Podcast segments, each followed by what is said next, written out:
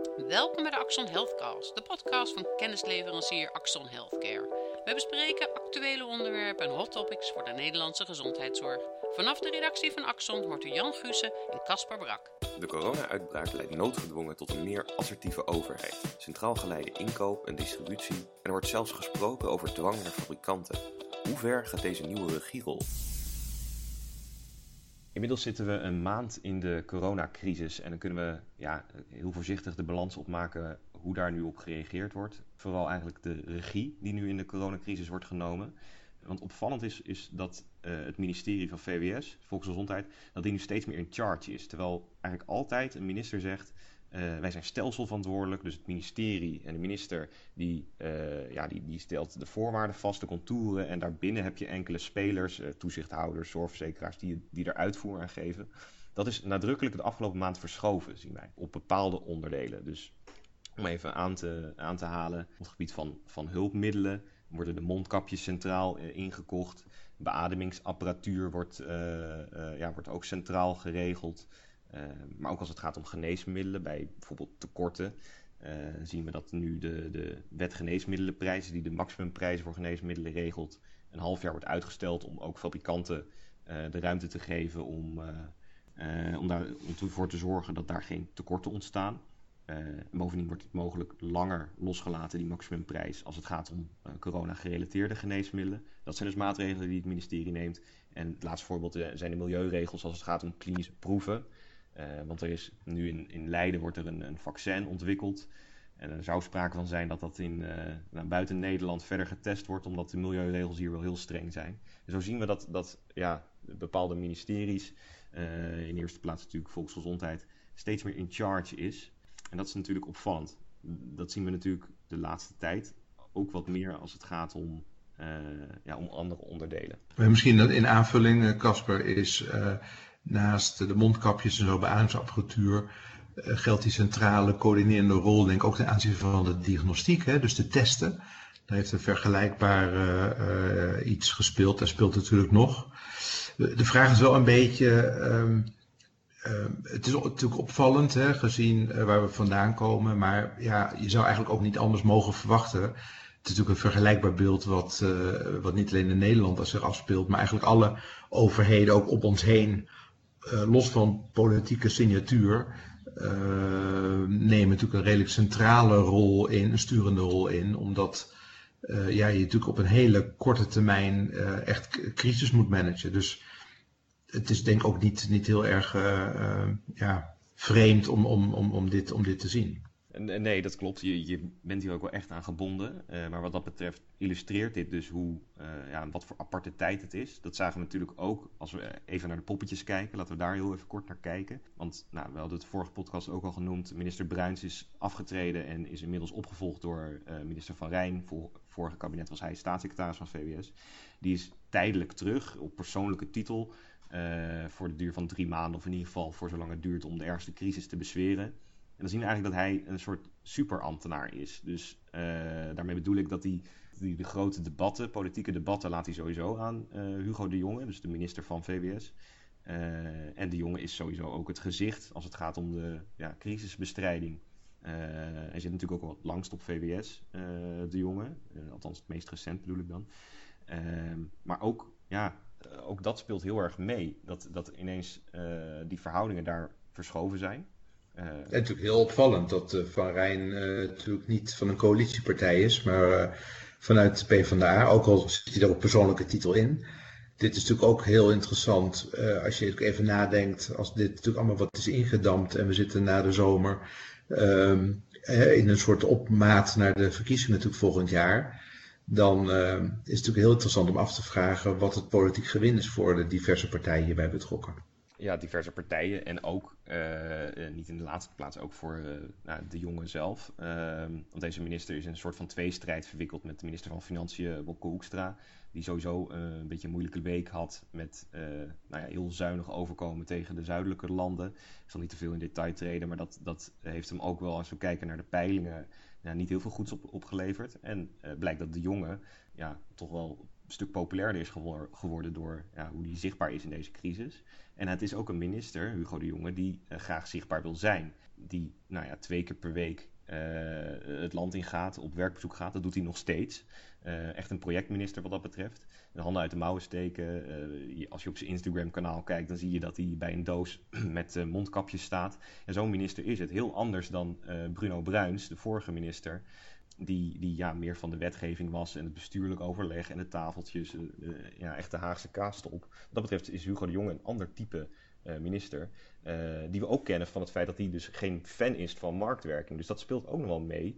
als we zien dat, dat de Jonge ja, mogelijk nog grote politieke debatten gaat doen, kan het echt wel een andere, andere toon zijn dan Bruins. En, en daar in, in aanvulling op, ik denk dat Bruins zich natuurlijk in een aantal discussies en dossiers, denk zeker aan Ehm, vergoeding duur geneesmiddelen. Zich redelijk had ingegraven, eh, bijna eh, eh, ja, persoonlijk zeg maar als, als doelstelling daar, daar een beetje aan, verbonden zat. En ook moeilijk om daar op een gegeven moment een andere toon in te gaan voeren. Dus die wisseling van de wacht, of wat hier dan straks ook gaat gebeuren, hoe misschien Van Rijn ook nog wordt opgevolgd ja, dat zou mogelijk ook een andere toon of een ander soort discussie kunnen, kunnen uh, betekenen voor een aantal dossiers. Lees bijvoorbeeld over prijsstelling duur geneesmiddelen. Of hoe zie je dat? Ja, prijsstelling duur geneesmiddelen, dat is zeker zo. kijk, Van Rijn heeft sowieso nu een half jaar uitstel gegeven voor de WGP. Daar is naar schatting van het ministerie ongeveer 150 miljoen mee gemoeid met, die, met dat half jaar uitstel. Moeten we natuurlijk zien of, dat, of, die, of die, dat ook nog behaald wordt. Maar daarin zien we dus dat hij andere uh, keuzes neemt. Natuurlijk ook vanwege deze context, vanwege het feit dat het nu ook nodig is in deze coronacrisis. Laten we dat niet vergeten. Maar kijk, Bruins had, ja, had de aangekondigde plannen eigenlijk ook al uitgewerkt. Dus wat, wat er nu nog rest is vooral crisisbestrijding. Uh, het meest recente grote plan dat Bruins nog had, uh, ja, had afgeleverd is eigenlijk die modernisering van het GVS. En die staat nu ingepland voor de tweede helft van 2021. Dus we zitten wat dat betreft voor, die, ja, voor de grote beleidsplannen echt een beetje ertussenin. Uh, en die tweede, tweede helft van 2021 is toch na de regeerperiode al, hè? dus uh, van dit kabinet. Dus dat zit al in een, uh, in een, onder een nieuwe regering in principe. Ja, dus wat dat betreft zien we dat nu ja, eigenlijk ook de komende verkiezingen al zullen gaan spelen. Want ja, we kunnen wel eerlijk stellen dat deze uh, coronacrisis nog wel uh, een tijdje bij ons blijft. Nou, als het een beetje mee zit, dan uh, zal het rond de zomer, voor de zomer, nou, misschien afgeschaald worden. Maar zelfs dan blijven we echt nog wel beperkende maatregelen houden.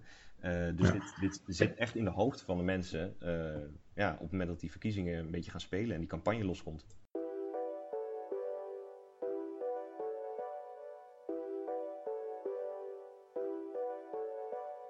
Met dat in het achterhoofd hè, uh, uh, zie je natuurlijk dat alle betrokken uh, bewindslieden alles op alles zetten hè, waar mogelijk om de bestrijden van de crisis en management ervan in goede banen te leiden. Wat, wat, wat mij opviel de afgelopen nou ja, paar dagen, afgelopen week, was natuurlijk vooral een discussie over, over die dwanglicenties bij, uh, bij, bij die testvloeistof. Even in relatie ook tot, uh, je hebt het over marktwerking en dergelijke. Dat was ook een van die uh, ja, stukjes discussie die voorbij kwamen om de receptuur dan openbaar te maken, desnoods verplicht. Dat was eigenlijk heel opvallend hoe snel daar eigenlijk vanuit heel veel politieke richtingen en ook vanuit de jongen al heel makkelijk en snel mee werd geschermd. Hoe zie je dat? Ja, ineens kwam, kwam het middel dwanglicenties nadrukkelijk in beeld. En dat is eigenlijk ja, om een fabrikant te dwingen om toch mee te werken. Terwijl, ja, is er wel sprake van, van dat je een fabrikant moet dwingen om mee te werken. Want ook, ook de fabrikant in kwestie uh, heeft deze pandemie niet aan zien komen. Terwijl, ja, uh, uiteindelijk betekent dat dat, uh, dat je ook goed moet kijken van, wat is er nu nodig voor deze, uh, voor deze crisis. Nou, en dat, dat hebben ze nu in goed overleg gedaan. Vandaar ook dat je ziet dat die minister zegt van nou, we willen het eerst met een telefoontje oplossen. We willen eerst gewoon in gesprek gaan met die fabrikant voordat we naar zo'n middel grijpen. Ja, dat werd heel duidelijk gezegd. Hè? En wat de fabrikant natuurlijk in dit geval ook duidelijk maakte, was natuurlijk van ja, eigenlijk zit het helemaal niet in de receptuur en die, die wordt ook gewoon gedeeld. en dat is ook maar één onderdeel van een veel, van een veel groter van een grote probleem. Hè? Dus het is eigenlijk uh, ja, misschien wel heel makkelijk om, om, om daar nu op die manier op te focussen. Misschien, maar dat geldt ook hiervoor, is het niet zozeer onwil als wel ook ja, wat je niet kan produceren, uh, omdat er misschien laat besteld is en dergelijke. Ja, dat uh, was een beetje vergelijkbaar natuurlijk met de beademingsapparaten discussie. Was ook een, een soortzelfde verhaal. Het is ook een samenspel van, ook bij, ook bij diagnostiek, van, van grondstoffen en onderdelen die nodig zijn. Dus het, zit, het hangt niet op één, één onderdeel alleen. Dat was al een beetje de, de perceptie die heel snel door heel veel partijen mede werd onderschreven en gedeeld. Maar uh, volgens mij is de waarheid een stuk genuanceerder. Ja, want uh, je kan natuurlijk wel het recept hebben, maar vervolgens als je de ingrediënten niet hebt, ja, dan, kan je, dan kan je het nog niet, uh, nog niet maken zoals, zoals je het wil. Dus het is veel gelaagder dan, dan in dat debat overkwam.